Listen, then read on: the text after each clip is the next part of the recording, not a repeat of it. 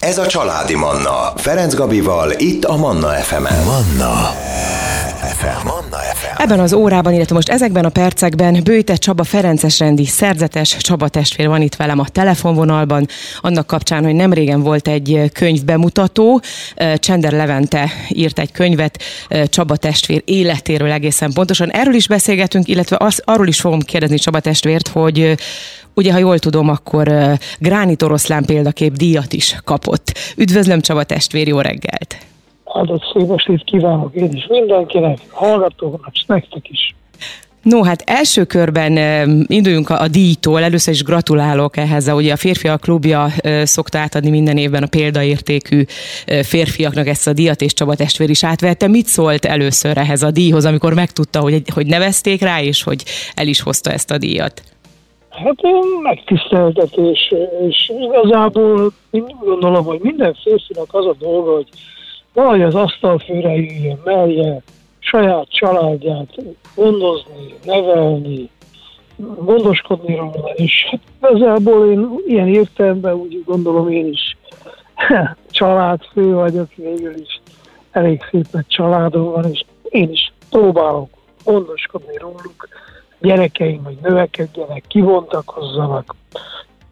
Ez egy olyan tiszta öröm férfinak lenni, családapának lenni, családról gondoskodni, gyerekeket látni, kibontakozni, növekedni, amit Isten gondolom minden férfinak felkínál, és jó lenne, ha mindannyian mernénk kinyújtani a kezünket. Ez a tiszta, felemelő öröm után, ami után nincs másnaposság, nincs szégyenkezés érzés, nincs, hogy mondjam, összeszorult gyomor, torok.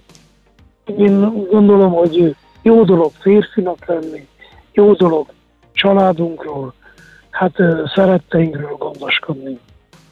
Egyetértek, és még egyszer nagyon gratulálok ehhez a díjhoz is, ehhez a díjhoz is természetesen.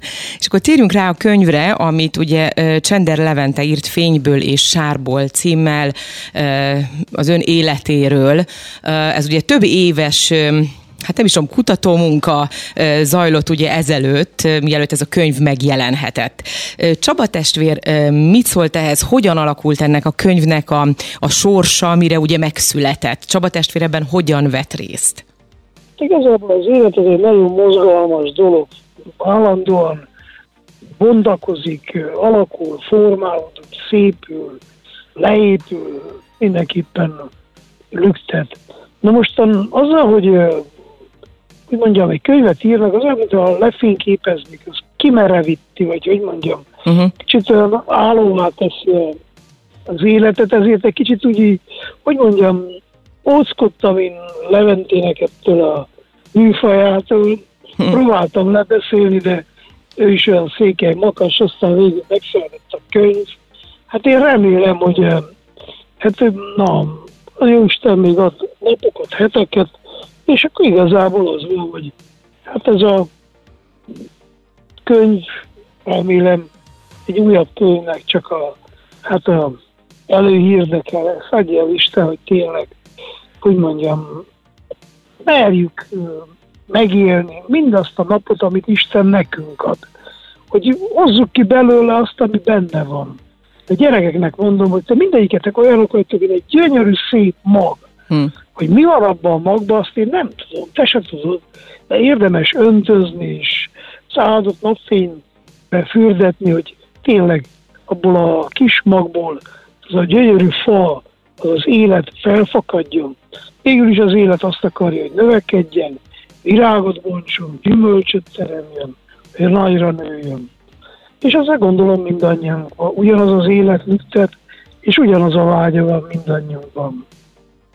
Ez így van, azt gondolom, ez, ez egy mindannyian egyetérthetünk. Volt ugye ennek a könyvnek egy könyvbemutatója is, ez még decemberben, december 12-én volt egészen pontosan. Ön hogy tapasztalta, vagy hogy érezte, milyen volt a visszajelzés, ott a, a sajt, ugye sajtó meghívó volt, illetve egy sajtóesemény egészen pontosan, hogyan fogadták ezt a könyvet? Hát, én még annak idején második János pápa mondta, hogy nem tanítókra, hanem tanukra van szükség. Uh-huh. És igazából én úgy gondolom, hogy az életem, amit Levente is megfogalmazott, hát nem annyira a bölcs, mit tudom én, körvonfont, tanítások vannak ott benne, nem, hanem maga az élet. Uh-huh. És hát ami nekem is, számomra is fontos volt, ugye, hogy én magam is, hát kérdésekkel indultam annak idején el. Például egyáltalán Erdélyben, Romániában lehet magyar embernek valamit létrehozni, megalkotni, megálmodni, engedik-e, van-e mód erre? És persze, hogy én, hogyha pap vagyok, és ki kell álljak az emberek elé, és azt kell mondjam, hogy maradj itthon Erdélybe, és álmodj, tervez, állj neki, mert meg tudod valósítani, akkor hát ez, ez jó, hogy előre az ember kipróbálja. Tehát most biztos, hogy sokkal bátrabban merem mondani a erdélyi honfitársaimnak is, hogy igen, Isten melléd áll. Csak kezd el. Lépj egy lépést. Jó Isten kettőt lép feléd. Ha nem hiszed, hogy mennyi jó ember van ezen a földön, meg neki állni. És azt gondolom, hogy ezeket a meg tapasztalatokat bátran meg is merem osztani, mert valóban elindultam, és nagyon sokan odaálltak mellé. Hm. Hát el lehet képzelni, volt olyan év is, amikor a 3600 gyereken gondoztuk. Most ennyi gyereknek csak fogkefe, vagy mit tudom én, egy, egy szelet kockacukor teájával, az egy ipari mennyiség, ez már kereskedelmi Igen. mennyiség. Ezt sokszor mondták a határon nekem, de valóban így van. Igen. És hál' Istennek működik. Jézus Krisztus, mikor az isteni gondviselésről beszélt, vagy azt, hogy merjünk mi is csodát kérni, akkor, hát hogy mondjam, nem szívatott minket. De valóban azt mondta, ami, ami lehet számítani. És ilyen értelemben az a könyv, úgy gondolom, hogy tényleg nem csak tanításokat tartalmaz, hanem az életnek olyan tanúságtételét is, ami talán bátoríthatja, lelkesítheti a kedves olvasókat. Meg hát példaérték, példaértékkel bírhat, igen. Hát igen, én mindig azt mondtam, hogy hát hogy nem karizmatikus emberekről van szó, hanem receptekről. Hm. És a receptet bárki, aki nekiáll, és azt mind megcsinálja, akkor hát neki is a puding pont olyan finom lesz. Igen. Tehát, hogy én remélem, hogy az élethez jó pár receptet sikerült ebbe a könyvbe Leventével megfogalmazni, és tényleg az lenne jó, hogy nem csak, hogy olvassák a kedves testvéreim, hanem azt is, hogyha hát ennek a példájára ő is a maga kis, nagyobb, kisebb, nagyobb sziklájára rácsok, mint Szent László, és azt mondja, hogy fakadjon víz itten. Hmm. Igen, történjen csoda. Nagyon sokszor az ember olyan feladatokat kell fölvállaljon, ami sokszor józan esze szerint, saját esze szerint is, hát talán kudarcra van ítélve, nem lehet megvalósítani. De én örömmel mondom azt, hogy igen, Isten irgalma, jósága, segítőkészsége sokkal nagyobb, mint amit mi el is tudnánk képzelni, vagy megmernénk álmodni. Hmm. Hát Csaba testvér, nagyon-nagyon szépen köszönöm ezeket a szép gondolatokat, és hát ajánlom a hallgatóinknak akkor a figyelmébe ezt a könyvet fényből és sárból, és nem sokára majd zene után pedig a könyv írójával, Csender Leventével is beszélgetünk. Köszönöm szépen Csaba testvér még egyszer. További örömteli együttlétet. Isten áldjon mindannyiunkat. Köszönjük szépen! Kedves hallgatóim, ezekben a percekben Bőte Csabával Ferences rendi szerzetessel beszélgettünk. Családi Manna Ferenc Gabival. Folytatjuk a Családi Mannát itt a 98.6 Manna fm -en. Ugye az imént Csaba testvérrel, Bőte Csaba Ferences rendi szerzetessel beszéltem telefonon, és ahogyan ígértük a hallgatóknak, a könyv írója, ugye egy könyvről beszélgettünk, a könyv írója is itt van most már a stúdióban, Csender Levente, József Attila, díjas író. Szervusz, jó reggelt! Jó reggelt kívánok, szervusztok! No hát itt néhány dolgot elárult már nekünk Csaba testvér, nem túl sokat.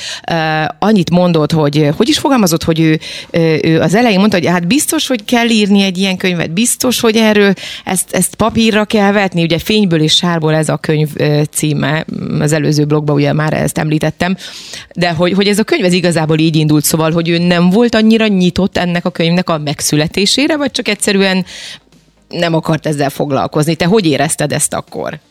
Hát azt mondta, hogy ez nem kéne megírni, majd, majd a mhm. halála után majd foglalkozzunk ezzel. Tehát ő mindig azt mondja a gyerekeknek is, ugye, hogy előre kell nézni, Mici Mackóval példálózik, ugye, hogy mondja Malackának, hogy mi nem arra megyünk, nem mm. néz hátra. Úgyhogy mindig elé, előre néz, és tehát ugye az életében nincs benne, egyrészt ő nem tartja a saját életét annyira fontos. Igen, ő nem egy hivalkodó ember, ez, ez tény és való. Igen. Erről beszéljünk, de hát én meg azt gondolom, hogy pont ezért, mert annyi mindent tudunk róla, annyit írtak róla már, de, de hogy ki igazán Böjte Csaba, engem ez érdekelt. És hát négy évvel ezelőtt, mikor útra keltünk, akkor tulajdonképpen föltettem neki ezt az kérdést az első kolostori beszélgetésen Déván, hogy ki Böjte Csaba. És azt mondta, hogy egy marék por, mint mindenki más. Hm. És aztán kifejtette, hogy ha, ha ezt azért meg kéne határozni, akkor ő egy vigasztaló szeretne lenni mint ahogy Jézus Krisztus is volt, hogy a tanítványai, ugye, akik körülötte voltak, szentek lettek, és ő is a, a környezetét szeretné kicsit fölemelni, egy kicsit olyan, mint a focipálya mellett a szurkolók, hogy, hogy fontos, hogy a játékosoknak szurkoljon, a gyerekeket is egy kicsit egy, egy picivel följebb emelje, reményt adjon nekik, Hát ezt látjuk, igen, ha, egyébként az egész eddigi munkásságán is. Ha azt mondta, hogy ha, ha valamit a fejfájára mm, szeretne, hogy felírjanak, akkor azt szeretné, hogy, hogy az legyen, hogy Csaba testvér a vigasztaló. De ez mm. jó lenne, hogy ezt mások is így gondolnak. Ugye azt mondtad, hogy négy évvel ezelőtt, amikor találkoztatok, amikor elindultatok az úton, azt hiszem így fogalmaztál. Mi volt ez az út, vagy ezt, ezt miért így fogalmaztad? Um, a Elikon kiadó akkori igazgatója fölkért engem, hogy, hogy írjak Csaba testvérről egy életrajzi könyvet. És én azt gondoltam, hogy majd kimegyünk, nagyokat beszélgetünk Déván a Kolostor udvarom, és uh, én majd napközben leírom a beszélgetéseinket, és ez így megy majd napról napra. Hát ehhez képest az volt, hogy Csaba testvér mondta, hogy gyere, ülj be az anyósülésre, megyünk. És ő közben intézte a dolgait, és útközben beszélgettünk. Tehát azért lett ez egy utazás, az egész könyvnek a születése, mert tulajdonképpen útközben készültek el azok a beszélgetések, azok az interjúk, amik adnak a, a könyvnek a magját képzik. Két füves könyv született Igen. közben. Ez tulajdonképpen ezeknek a beszélgetéseknek a, egy másfajta kivonata, tehát mm. azok a bölcsességek, és én tulajdonképpen ez a megbízatás, ez 2020-ban 19 karácsonyán történt, és 2020-ban kezdtünk el ezen dolgozni, ugye jött a Covid közben. Igen. És ez, ez egy fél évvel elcsúsztatta az egész munkakezdést. Nem tudtunk kimenni, nem tudtuk időben elkezdeni. Próbáltuk Zoom-on, próbáltuk így, de hát ez nem egy olyan műfaj, Persze. amit uh, online Online meg lehet, így van. Úgyhogy fél év csúszással készültünk, vagy kezdtünk, és akkor én azt láttam, hogy Csaba testvér azért egy nagyobb téma, mint hogy összecsapjuk egy fél év alatt, úgyhogy ennek, ennek hagytam időt. És akkor ezek a füves könyvek jöttek, füves könyv, egy füves könyv, kettő. Az első egyébként már vagy hét utányomáson uh-huh. túl van, úgyhogy szerintem az is egy jó irány volt, de aztán végül is erre mutatott az egész, hogy ebből egy, a, a sok beszélgetésből egy életrajzi könyv összeálljon. Uh-huh. És nem csak a mi beszélgetéseink vannak benne, hanem az is, amit én tapasztaltam, amit én láttam közben, azok a beszélgetések, amit a nevelőkkel, gyerekekkel készítettem közben, és plusz a sajtóanyag, amit írtak az előző uh-huh. években róla. Uh-huh. Az, hogy te úgymond ö, úgy zajlott ez az utazás, hogy beültél, ugye, a, a, ahogy mondta te is, az anyós ülésre. Ez, ez nyilván, ez szerintem segített, segíthette a könyvet, hiszen egy csomó más olyan dolgot is tapasztalhattál így Csaba testvér mellett az ő személyiségéből, az ő életéből, mint amit lehet, hogy egy sima milyen interjú beszélgetésnél, vagy egy beszélgetésnél nem, nem biztos, hogy, hogy elmond akár, vagy, vagy amire fény derülne. Biztos, hogy nem. Tehát ez egy nagyon-nagyon szerencsés mm. utazás volt, mert ő akkor minden nap misézett valahol máshol. Ő is be volt zárva, addig 108 gyerekkel Dévára, és akkor tájt engedték ki, akkor tájt oldották fel a karantént, és akkor mindenhova elment Erdélyen belül, már kifelé még nem lehetett annyira utazni, de Erdélyben ilyen belül bejártuk a házakat, minden nap máshol volt, meglátogatott mindenkit hosszú idő után, és ö, tulajdonképpen a, az életébe csöppentem bele, az ő realitásába, az ő hétköznapjaiba.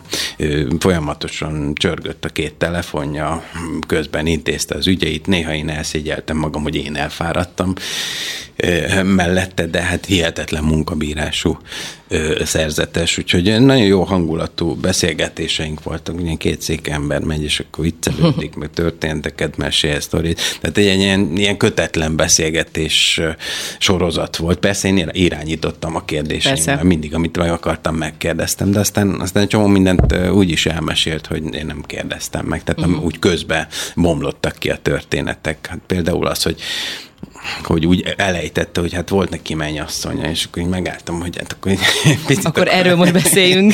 picit, és az egy, az egy nagyon szép történet, és gondolom, hogy, hogy ő erről máshol nem beszélt korábban, mert ez ilyen meglepetés volt, hogy, hogy aztán barátait én megkérdeztem velük, és interjúztam, hogy, hogy ez hogy volt, és akkor tényleg mondták, hogy hát igen, volt egy gyergyói lány, és amikor Csaba Testvér úgy döntött, egy nagyon belevaló lány volt, ahogy a barátaim mesélték, akkor Csaba Testvér úgy döntött, hogy ő szerzetes lesz, akkor a lány elment apácának, és ők mm. soha az életben aztán nem találkoztak. És mondta Csaba Testvér, hogy ő, ő majd, majd a túlvilágon találkoznak, ő erről a fazékról a fedőt már nem emeli föl ebben az életben. Mm. Igen, hát valószínűleg ez nem egy olyan dolog, amiről sokan tudnának. Most hozunk életöröm zenét, jönnek a legfrissebb hírek, és innen folytatjuk a beszélgetést. Ez a Családi Manna, Ferenc Gabival, itt a Manna FM-en. Manna FM. Manna FM. Folytatjuk a beszélgetést, vendégem Csender Levente József Attila díjas író, a Fényből és Sárból című könyv írója, ami Böjte Csaba testvér életéről szól, ugye Böjte Csaba Ferences Endi szerzetesről. Ugye nagyon sok, sokat hallunk, olvashatunk Csaba testvér életéről, meg Csaba testvérről, hogy mi az, amivel többet kaphat. Akkor már egy kérdésre, már, már egy választ kaptam valójában, tehát például ilyen úgymond ezt nem nevezném apróságnak, például egy ilyen dolgot, ami, amiről nem igazán én sem hallottam még erről, bizonyára nem vagyok egyedül ebben, de hogy még mi az, ami, ami több több, amit megtudhatunk Csaba testvérről. Mert nyilván, hogy egy életrajzi könyvet a kezembe fog, akkor az a vágyam, hogy megtudjak többet az illetőről, arról az emberről. Hát, ha az elején kezdjük, ugye, az egy az apa nélküliség. Például az édesapja költőnek indult Kolozsváron. Volt katonaság után az édesanyjával felköltöztek Kolozsvárra, ott született Csaba testvér, és az édesapját 59-ben elítélték, mert hogy 56-tal szolidarító verseket írt, legalábbis a szekuritát szerint, járt a Gál Gábor irodalmi körbe, és nem is publikált ezeket a verseket, csak ott a körben olvasta föl, és mégis feljelentették, hm. beárulták a szekuritáténál, és elvitték. És amikor, tehát a Szamosújváron volt börtönben, és négy év után aztán kegyelmet kapott, de hát addigra már úgy elintézték, hogy utána néhány hónap múlva meghalt, és tulajdonképpen Csaba testvérnek egyetlen emléke van, nagyon szépen mesél erről is, hogy, hogy mennek az édesapjával Kolozsváron a sétatéren, és akkor mondja az édesapja, hogy egy, egy mókus ledobott egy tobozt, és akkor mondja az édesapjának, hogy ezt a, a mókuska neked dobta le. Ö, és akkor ennyi, ennyi az egyetlen emléke hm. az édesapjáról, ami egy konkrét emlék, és úgy nőtt föl ő apa nélkül. És ez például nagyon fontos, azt gondolom, hogy aztán, aztán 6000 gyereknek az apja lett, Igen. hogy, hogy neki ez nagyon fájt, mert hogy akkor abban az időben nem nagyon váltak el az emberek, és ő volt az osztályban az egyetlen, akinek nem volt apukája, és hogy, hogy neki ez egy nagyon fájdalmas történet volt. És most ugye Viski Andrásnak megjelent a Kitelepítés című regénye, és az ő édesapja is ugyanakkor ugyanott volt Szamosújváron, és, és ebben a regényben nagyon szépen írja meg, hogy hogy, hogy, hogy nem volt neki se apa emléke. Nem, nem tudja, hogy milyen az apam, hogy milyen volt. Aztán neki visszatért, mert, mert kiengedték az édesapját, és aztán ö, még hosszú ideig élt a csapatestét, és még sokan nem voltak ilyen szerencsések. De hogy, hogy például ez egy nagyon szép történet, ö, és drámai történet. Aztán az, hogy hogy hogy nőttek föl ők Csíkszeredában ebben a, az időszakban, milyen uh, határhelyzetek voltak. Engem ezek érdekeltek, hogy, hogy mik mm. volt gyerekkorában, és mi volt, amikor úgy döntött, hogy szerzetes lesz. Mi volt, amikor uh, úgy döntött, hogy uh, ha az ő döntés, ahol gyerekeket fogad be. Mikor voltak, amikor majdnem bedobta a törölközőt már. Volt ilyen is? Volt. Igen, mm. egy, egy, megkérdeztem ezt, és egy kis muncseli történetet mesélt mm-hmm. Ugye ez volt az a Déva feletti bányász település, uh-huh. amit a mesterségesen igen, igen. létrehoztak, és aztán maga, magára hagytak. Rendszerváltás után is ott landoltak a, a gyerekek nála. Ez egy, ez most nem mesélem el, mert hosszú lenne, de egy nagyon szép. De a könyvben ott van akkor, igen. Ott van, igen. A barátait fölkerestem Csíkszeredával, Molnár Vilmos író kollégámat, és ő aztán bemutatott a mm, Karesznak, a barátjának, aztán Attilának, Barabás Attilának, és akkor én, én fölkerestem őket, és elvittek a Szent Anna tóhoz, illetve én vittem el uh-huh. őket, ahová, ahová tizenévesen föl följártak sátorozni. Ez volt a, a banda, akik nagyon sokat túráztak, barlangáztak, vitatkoztak, egymással, és akkor el, megmutatták, hogy hol sátoroztak, kik voltak ott, van egy zászlójuk, a The Young Cannibals Band, amit a Barabás Attila mai napig őriz, és oda alá van írva, hogy Csabika, Csaba, Öcsike, Karez, tehát hogy megvan ez a mai napig, és ők, ők nagyon tartják ezt a barátságot, bár Csaba testvérnek nem ö, sok ideje van. Igen, pont ezt akartam kérdezni, hogy azért ő neki ez nem... Mesélt akar ez, hogy, hogy egyszer beállított hozzá négy gyerekkel, meg egy csomag WC papírra, hogy akkor most akkor a te gyerekeid egyetemen vannak, hogyha most egy kicsit itt lesznek nálad, mert nem tudom, a Tusnádi házat akkor építették, vagy újították föl, és akkor szétkedett a gyerekeket szórni. Gondolt Kareszre, hogy akkor nála ez el lesznek egy pár hónapig, úgyhogy így meg időnként arra megy, és akkor mondja, hogy ülj be, megyek ide vagy oda, és akkor elviszi egy körre, és akkor beszélgetnek közben. Tehát mm. úgy külön ideje nincsen, de azért foglalkozik a barátaival. És egy nagyon jó beszélgetés sorozat volt ez is, hogy, hogy, hogy, hogy milyen meglepetés volt, hogy Csaba testvér elment, ott hagyta őket, és elment Fehérvárra teológiára. Várták, hogy mikor rúgják ki, mikor jön vissza, nem hitték el, uh-huh. hogy, hogy belőle tényleg szerzetes lesz, pap lesz, tehát ugye ilyen kicsit ilyen veszteségnek Aha. is élték ezt meg, hogy, hogy egy jó barátot hagyja őket, és elmegy. Gyerekekkel is tudtál esetleg az otthonokból beszélgetni? Persze, a, nagyon sokakkal ugye egy jó néhány háznak a vezetője ma olyan gyerek, aki ott nőtt föl Déván, tehát. László Pali, Szárhegyen, Zsókával, aki nem ott nőtt föl, de az egyik első nevelő, ma Csíksomjon van akkor Menyhár Ternővel, aki Szászvároson van, neki gyerekkorában vettek egy egyirányú jegyet. Nagymamája már nem tudta eltartani, és akkor hallották, hogy van ez a Böjte Csaba Déván, és vettek egy vonatjegyet neki, és akkor megérkezett, hogy és megkérdezi, hogy itt kell beiratkozni az árva házba. Isten.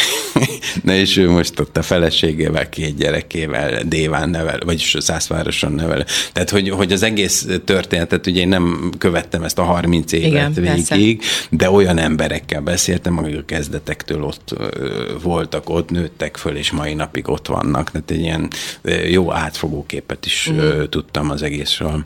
De azért, hogyha azt mondjuk, hogy négy éve kezdődött, tehát akkor ez egy három-négy éves utazás, ugye, amíg megszületett maga a könyv, azért itt gondolom hatalmas mennyiségű történetet kaptál, azért ez nem lehetett könnyű, úgymond úgy összeállítani, úgy összeszedni, hogy, hogy mindenből legyen, de azért ne is legyen, nem tudom, egy 1600 oldalas kötet belőle. Igen, hát sokat kellett gondolkodnom a koncepción, mm. hogy, hogy mi legyen, de végül is ez a több szempont. Ebben kértél segítséget egyébként Csaba testvértől, vagy, vagy nem, ez abszolút rád volt bízva, és ez abszolút a te döntésed volt, hogy mi nem. az, ami...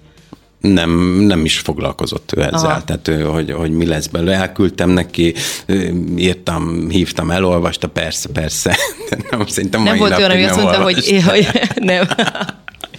Nem volt, hogy ez ne legyen benne, az ne legyen benne.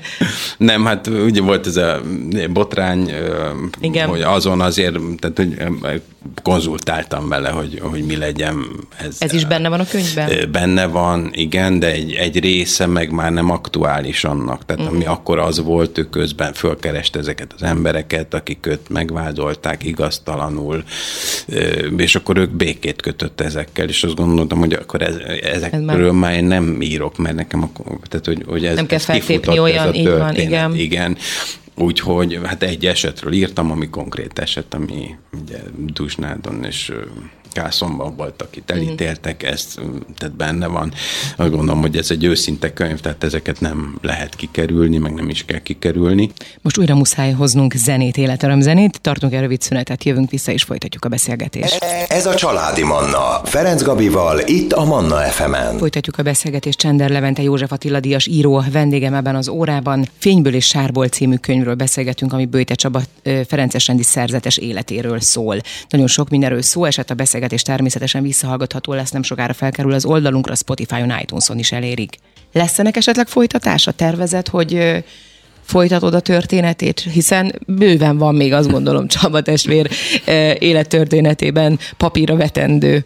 Én remélem, ennek az apropója az volt ugye, hogy idén volt január 24-én 65 éves Csaba testvér, tavaly volt 30 éves az alapítvány, 40 éve jelentkezett teológiára, 300 éves volt a Dévai Kolostor, tehát egy csomó kerek, igen. kerek évforduló volt, és én azt gondolom, hogy, hogy született már egy-két ilyen magán kiadásba egy-két életrajz róla, de az, az nem átfogó, tehát én azt gondoltam, hogy megérdemelő annyit, hogy most 65 éves korára mégiscsak az emberek, aki szeretné, meg tudja ismerni az ő fordulatos és tanulságos életét. Én azt gondolom, hogy ez, ez az a könyv, amit lehet majd bővíteni, tehát azóta is kerültek elő olyan archív fényképek. Én igyekeztem, a családhoz elmentem, rokonokhoz elmentem összegyűjteni minél több olyan fényképet, amit eddig nem publikáltak, barátoktól is begyűjteni, de azóta is kerültek elő olyan képek, amiket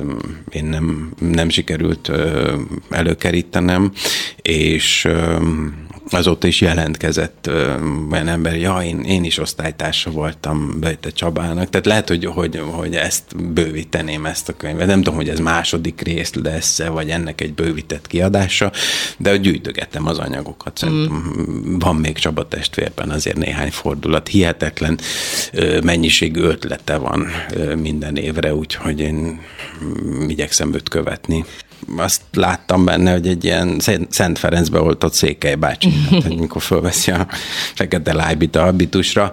Üm, igen, és nagyon szeret vicceket mesélni, meg igen. hallgatni is. Tehát, hogy ez a fajta üm, jókedvű Ferences üm, mentalitása megvan, és mondom, ez még egy kis ilyen székely bácsissal, humorral meg, meg van fűszerezve, úgyhogy, úgyhogy kellemes társaság volt, tehát percig nem unatkoztunk mellette, és tényleg mondom, ezek az utazások is ilyen jókedvű beszélgetések voltak, nem is nevezném ezt munkának, mm. hanem egyfajta lelki gyakorlat volt számomra mm. ez a az utazás sorozat, úgyhogy hát én azt kívánnám mindenkinek, hogy üljön be Csaba testvér mellé, és menjen az anyósülésre, és utazzon vele.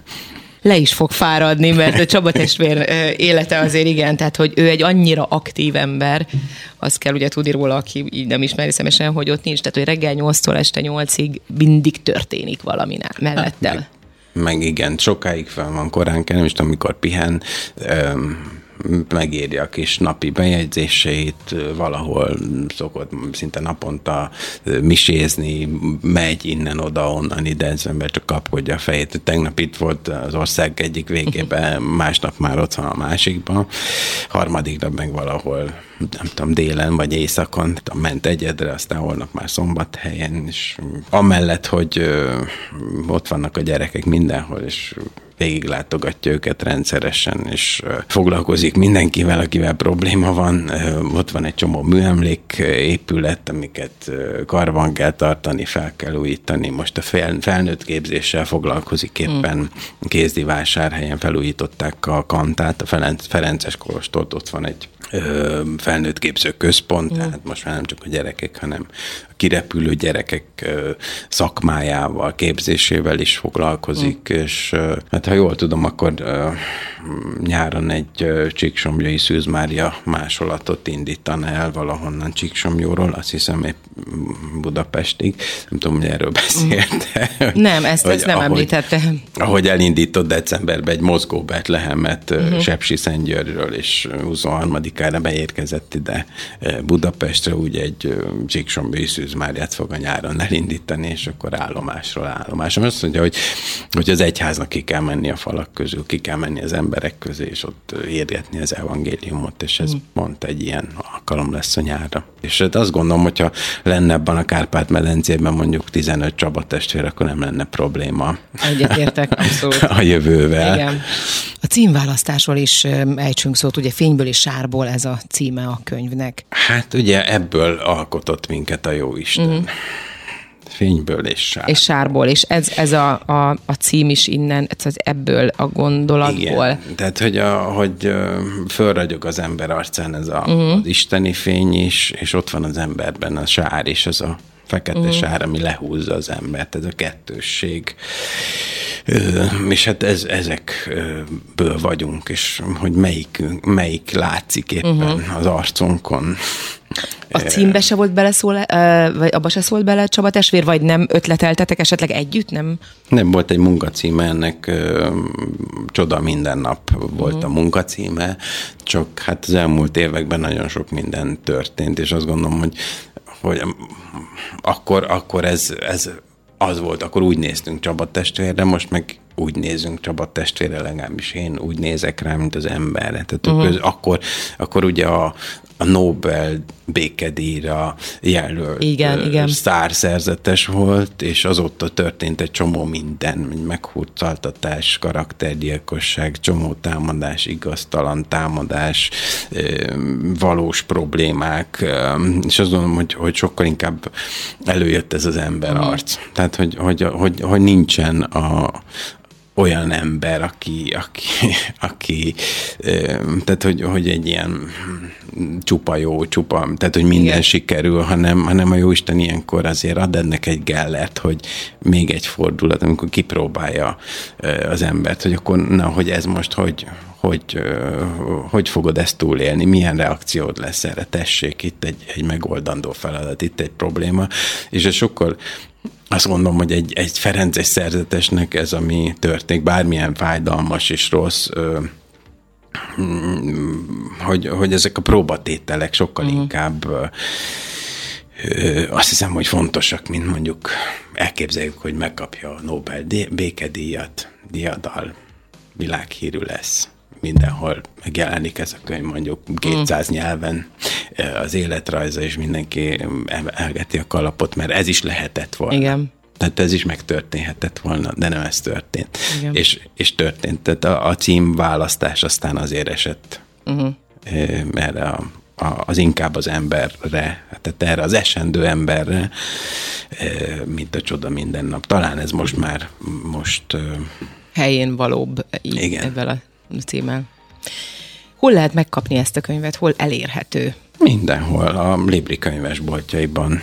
Holcon már láthatják, találkozhatnak Csaba Igen. testvérrel. Úgy igazán ez e, e könyv által. Azt gondolom, egy négy éves utazás azért én mondom, még nem olvastam, de azt gondolom, hogy azért ennyi idő alatt azért biztos vagyok benne, hogy egy mélyebb betekintést nyerhetünk az ő életébe. Nemrég voltunk Komáromban, és oda jött egy fiatal srác, és mondta, hogy elolvast ezt a könyvet, és, és ő ennek a hatására megy Dévára. Hm. És kérdezem, mikor? Azt mondja, most. Úgyhogy remélem, hogy, hogy mások is, hogyha elolvassák ezt a példás életrajzot, akkor kedvet kapnak sok mindenhez. Így legyen. Köszönöm szépen a beszélgetést. Köszönöm a meghívást. Kedves hallgatóim, ezekben a percekben Csender Levente József Attila díjas íróval beszélgettem. Manna. Ez a családi Manna.